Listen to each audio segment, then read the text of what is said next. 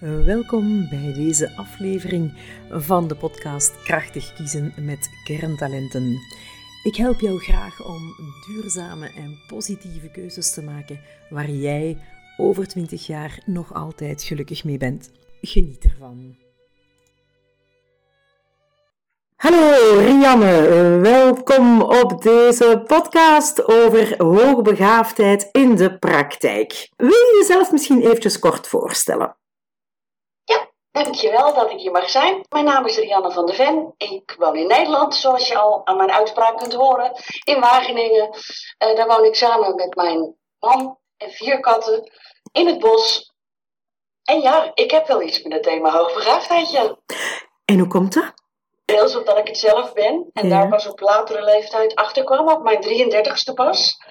En dat heeft heel veel voor mij betekend. En heeft er ook voor gezorgd dat ik er uiteindelijk mijn beroep van gemaakt heb en me daar helemaal in gespecialiseerd heb. Ja. Rianne, jij bent ook oprichter, onder meer oprichter en eigenaar van Hoogbegaafd in Bedrijf, een Nederlands bedrijf. En jij noemt het een sociale onderneming. Wil je ons daar een beetje meer over vertellen? Jazeker. Hoogbegaafd in Bedrijf is een van mijn ondernemingen.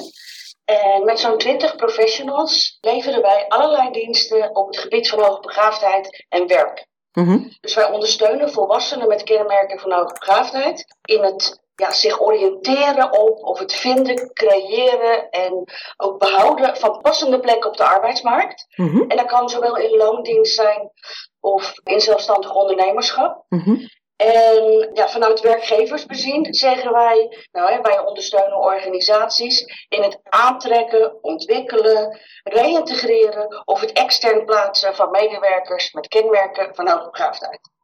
Okay. Nou, die opdrachtgevers, dat zijn dan werkgevers, maar kunnen ook gemeenten zijn voor mensen die in de bijstand zitten. Of het UWV. Het UWV zal ik ook voor de Vlaamse luisteraars mm even uitleggen. Dat is het Uitvoeringsinstituut in Nederland voor werknemersverzekeringen. En nou ja, je zei ook al, een sociale onderneming, een social enterprise mm heet dat tegenwoordig. En dat is omdat wij een maatschappelijke doelstelling nastreven en mm zeg maar niet uitzendelijk winstmaximalisatie. En ja, natuurlijk, we verdienen er ons inkomen mee, we zijn professionals.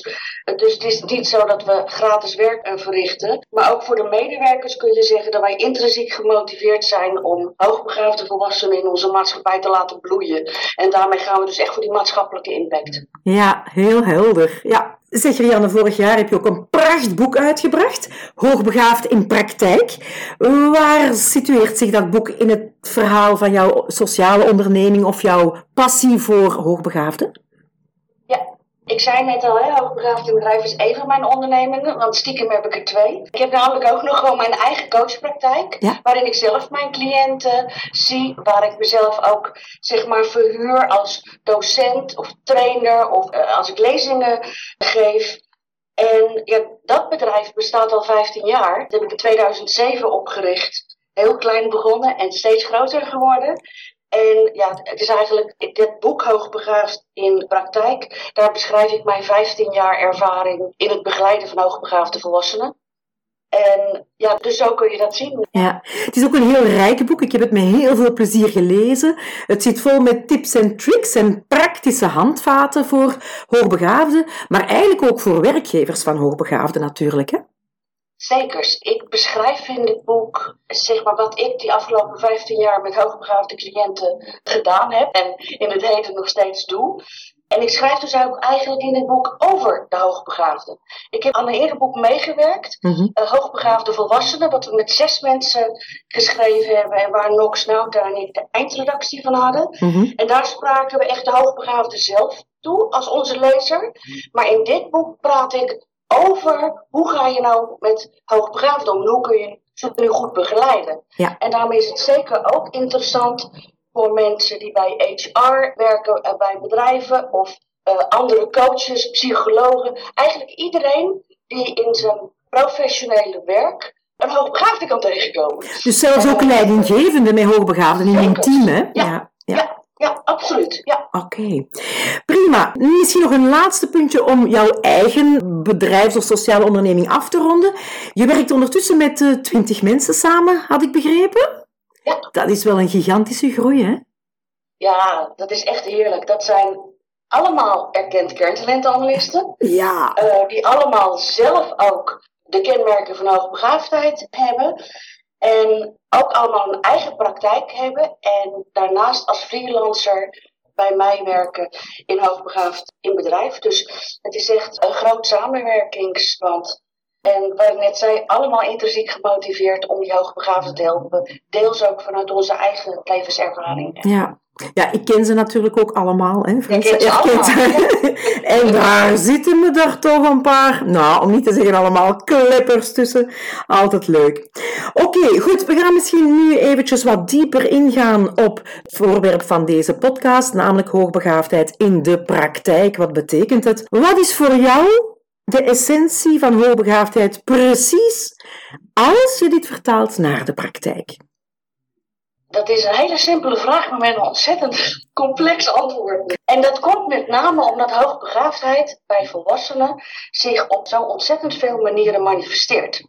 er is nu best wel veel aandacht voor hoogbegaafde kinderen, dat was er vroeger niet.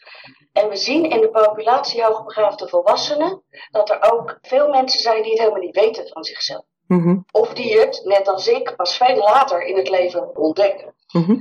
En dat betekent dus dat ook onder onze cliënten zit er een enorme diversiteit in hoogbegaafde volwassenen. Mhm. We kennen ze die ontzettend succesvol zijn op de arbeidsmarkt, maar toch een loopbaanvraagstuk kunnen hebben. En we kennen ze ook die een nou, niet zo positieve levensloopontwikkeling hebben gehad, waardoor ze niet gelukkig zijn, ongewenst werkeloos zijn, wellicht ziek geworden zijn.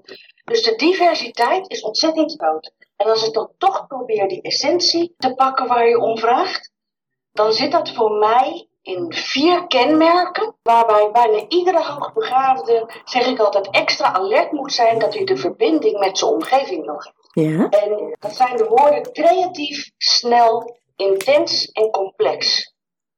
Dat zijn ook vier woorden die genoemd worden in het Delphi-model hoogbegaafdheid. In jouw podcast die je gemaakt hebt met Lisbeth. Ja, ja die, die, vertelde daar ook over. Nou, ik ben ook een groot fan van dit model van hoogbegaafdheid.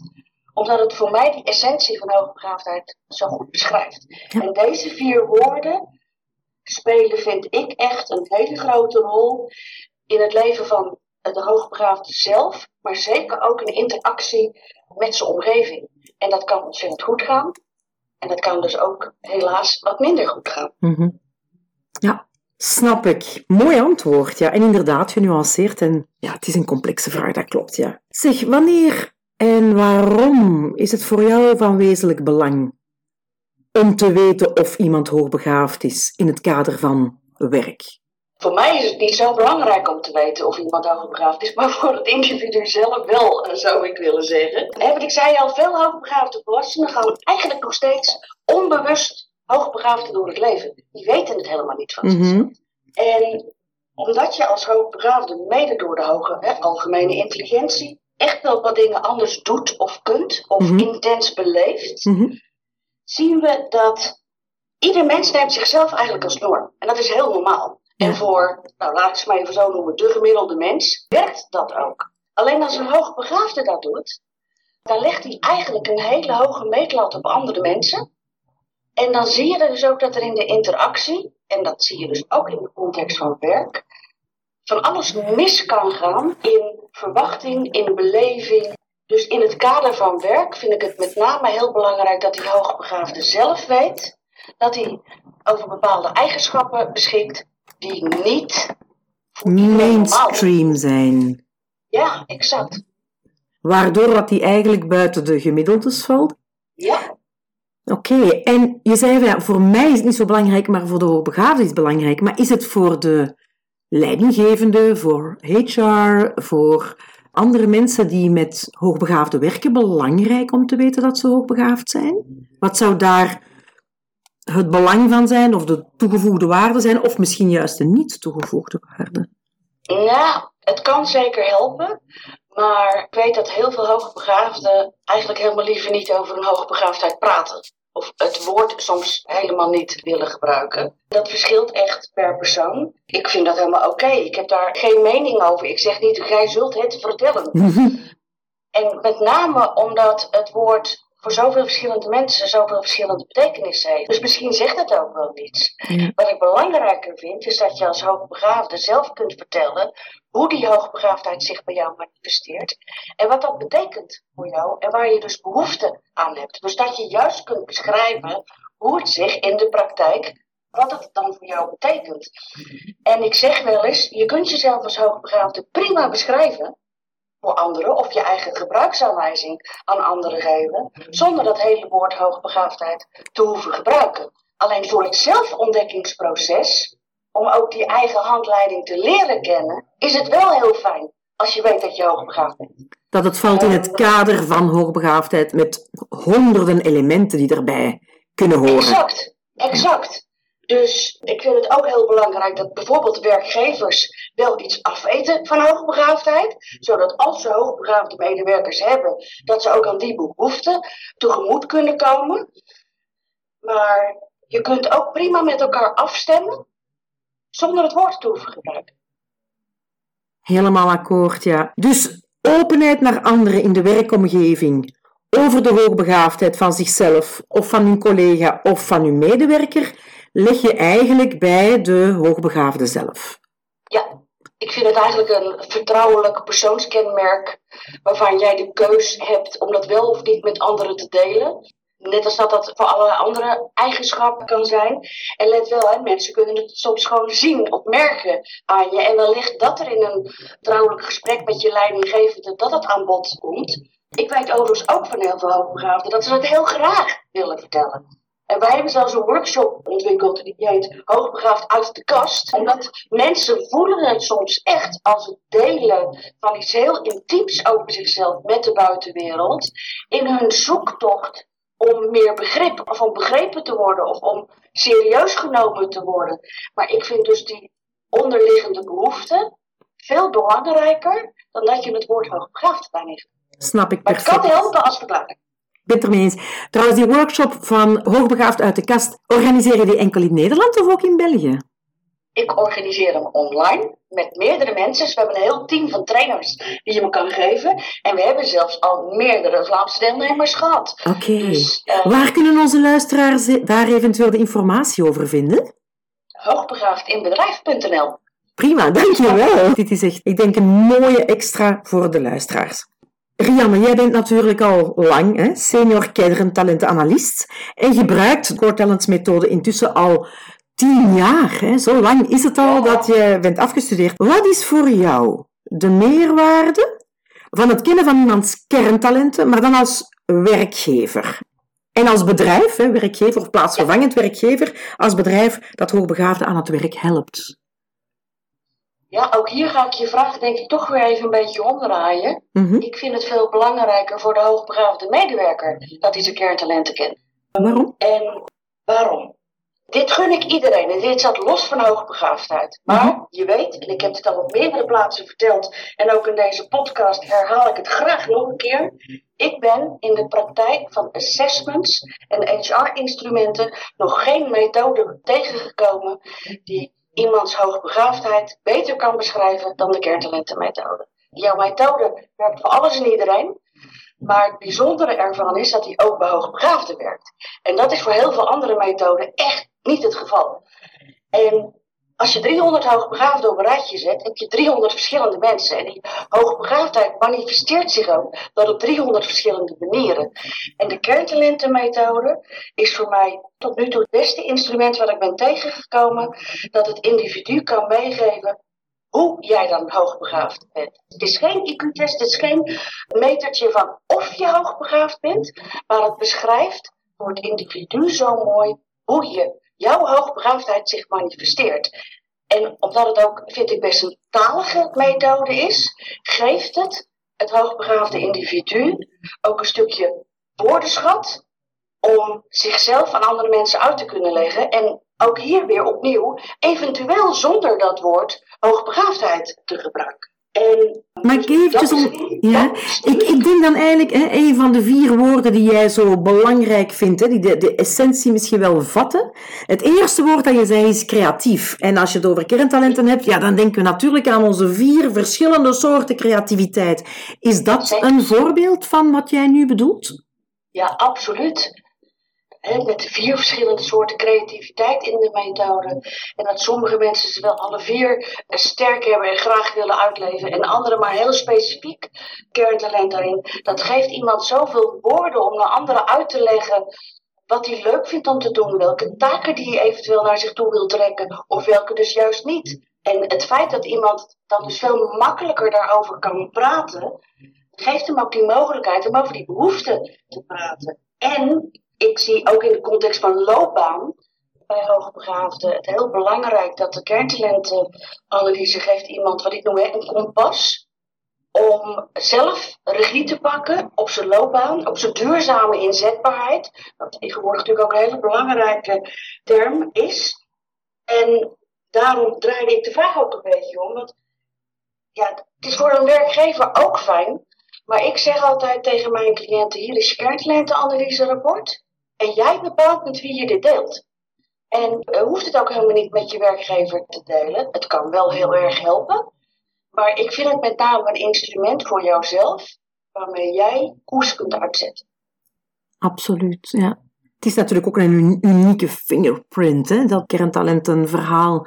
Eén profiel uit 94 miljard mogelijkheden. Daar gaan de types en de vakjes en de hokjes. En dat is al sowieso iets waar hoogbegaafden misschien geen hekel aan hebben, maar het past hen gewoon niet. Nee.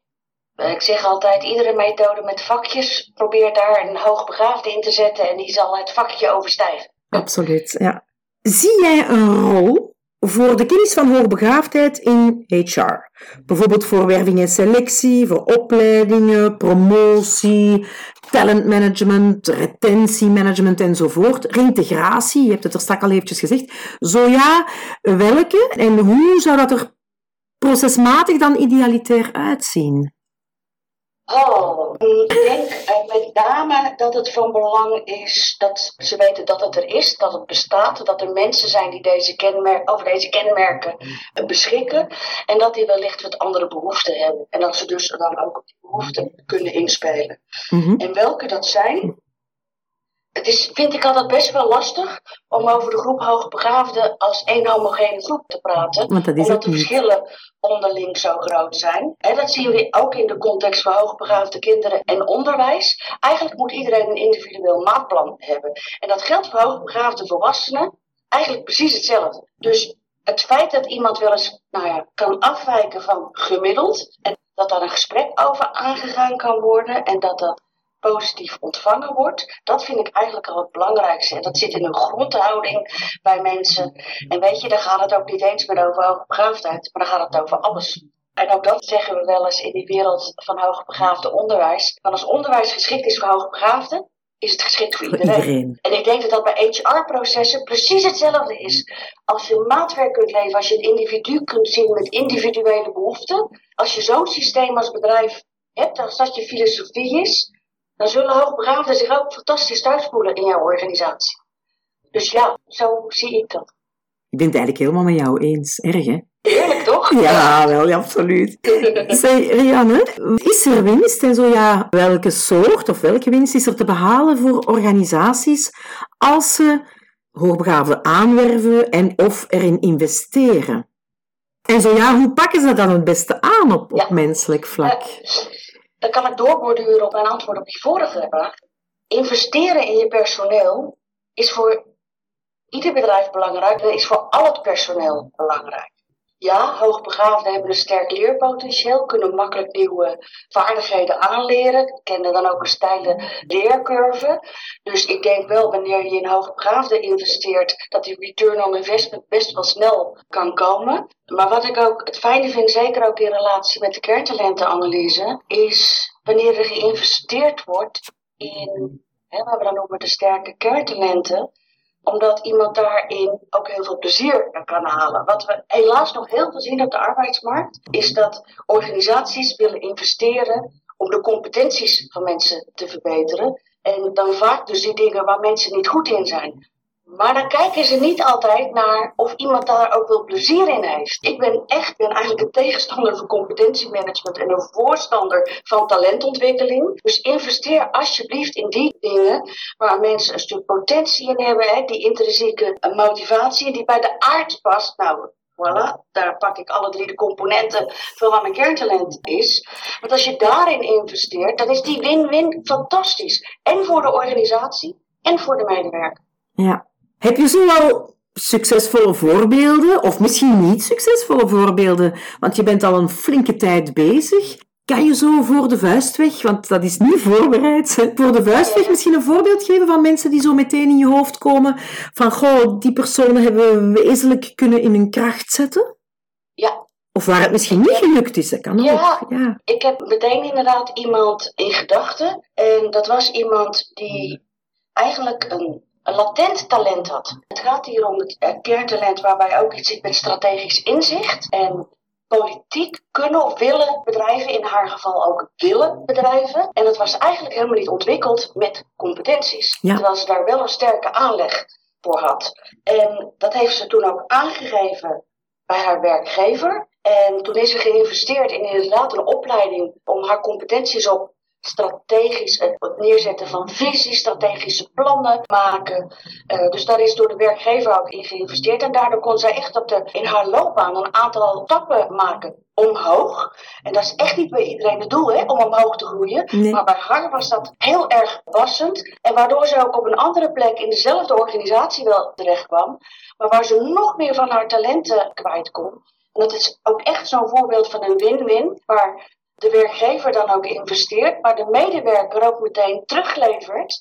Omdat er geïnvesteerd was in iets waar, wat heel dicht bij haar aard en potentie zat. Maar waar het aan competenties nog eh, Ontbrak. ontbrak. Ja. Dus ja, dit is echt een dame die onmiddellijk dan bij mij in Ja. gedachten komt, waar eh, die bij dezelfde werkgever op een andere plek kwam. Maar zo hebben we ook heel veel voorbeelden van mensen die helaas ziek uitgevallen zijn, die een nieuwe plek moeten zoeken op de arbeidsmarkt. Maar waarbij ze ook met behulp van de kerntalenten dus echt heel gericht kunnen zoeken naar wat geeft hem voldoening en zingeving. Het zijn echt twee woorden die het begeleiden van hoogbegaafden vrij gemakkelijk naar voren komen. Ze zijn op zoek naar voldoening en zingeving. Dus ook in functie van reïntegratie bijvoorbeeld. Zekers. Ja. Ja. Zeg, en heb je ook voorbeelden van mensen bij wie het niet gelukt is? Ondanks het feit dat ze en hoogbegaafd en een goede begeleiding op basis van hun sterke kerntalenten krijgen? Ja, helaas zijn die casussen er ook. En vaak speelt er dan meer. Het kan in het fysieke domein zitten dat een ziekte toch dermate belemmerend is dat ze niet op het energieniveau kunnen om hun sterke kerntalenten uit te leven. Maar soms zit het ook in het psychische domein dat er toch zoveel klachten zijn dat iemand nou, ook weer naar de geestelijke gezondheidszorg, een stuk therapie of zo eh, nodig heeft. Dat er echt nog heel veel blokkades zitten. Of trauma's? Trauma bijvoorbeeld, ja, is zeker daar een voorbeeld van. Depressie kan er ook een zijn. ja, Serieuze dat is een ziekte. angst. Ja. Ja, serieuze angstproblematiek. Soms zijn de belemmeringen dermate groot dat je met coaching of loopbaanbegeleiding iemand wel, zeker ook met de kerntalentenmethode, perspectief kan bieden. Maar dat er eerst ook nog andere hulpmiddelen naast coaching nodig zijn om belemmeringen te overwinnen. Ja, oké. Dankjewel. Een vraagje dat ik ook aan Lisbeth de Wit heb gesteld in onze podcast van de theorie rond hoogbegaafdheid. Wat zijn voor jou de belangrijkste zaken die een hoogbegaafde over zichzelf zou moeten weten om een gelukkig, productief en evenwichtig mens te zijn? En dan heb ik het hier zowel privé als professioneel. Ja, ik kom er toch uit hè, op dat bewust hoogbegaafd zijn. Weten dat je niet een gemiddeld mens bent. Dat je dat ook nooit gaat worden. Hoogbegaafden kunnen heel veel, zeg ik altijd, maar een gemiddeld mens, dat gaat hem niet worden. Maar dat je ook dat anders zijn kunt omarmen als iets positiefs. Eh, Helaas kan het er soms toe leiden eh, tot minder prettige levenservaringen. Dat hoogbegaafden en hoogbegaafdheid eerder als een vloek dan als een zegen ervaren. Maar het is echt aan zich een positieve eigenschap.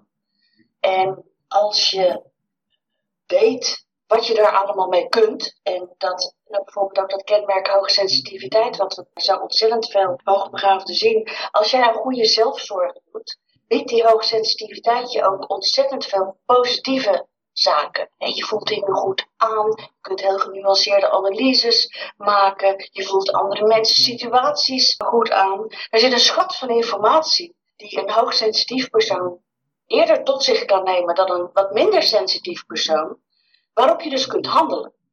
Maar er zit ook dat stukje kwetsbaarheid aan. En met goede zelfzorg kun je dat natuurlijk minimaliseren. En ja, als je dit dus weet van jezelf en je kunt je behoeden tegen de kwetsbare kant, dan kun je de positieve kant ervan ja, maximaal uitleven. En dat is gewoon heerlijk.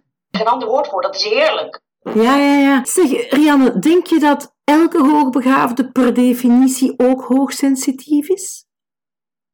Het is een hele lastige, want je komt er bijna in een definitiekwestie. Van wat is je definitie van hoogbegaafdheid? Wat is je definitie van hoogsensitiviteit? Er zijn wat onderzoeken naar gedaan. Ik heb er zelf ook onderzoek naar gedaan samen met Elke van Hoof van de Vrije Universiteit Brussel. En wij kwamen toen uit op dat een stuk populatie van hoogbegaafde volwassenen 87% ook hoogsensitief is. Nou, dat geeft aan, omdat onder de gemiddelde populatie is 15 tot 20 procent hoogsensitief. Ja, dat er onder de hoogbegaafden echt wel heel veel meer hoogsensitieven rondlopen. Is het 100 procent? Nee. Er zijn mensen die dan weer een andere definitie van hoogbegaafdheid hanteren. Die zeggen, nee, je bent pas hoogbegaafd als je ook hoogsensitief bent. Ja, dan heb je dus een 100% score. Maar ja, weet je, dan komen we in een definitie het is een semantische discussie waar we eigenlijk Ja, dat zijn semantische discussies, ah, precies. Maar dat we wel bij veel vaker zien, ik denk wel dat we dat inmiddels als een feit mogen ja. zien. Een vraagje, ik ga jou verrassen, overvallen. Ik weet dat ik daarmee iets doe dat ik echt niet mag doen met u, want je krijgt nu geen tijd. Langs de andere kant, je weet uiteraard dat ik in 2015 de Mensafonds Award heb gewonnen over de kerntalentenmethode, als zijnde hè, de methode die volgens hoogbegaafden de enige is die de complexiteit van hoogbegaafden in al zijn nuances kan vatten. Tot op de dag van vandaag weet ik niet wie dat mij heeft voorgedragen. Was jij het? Heb jij mij voorgedragen? Voor die award?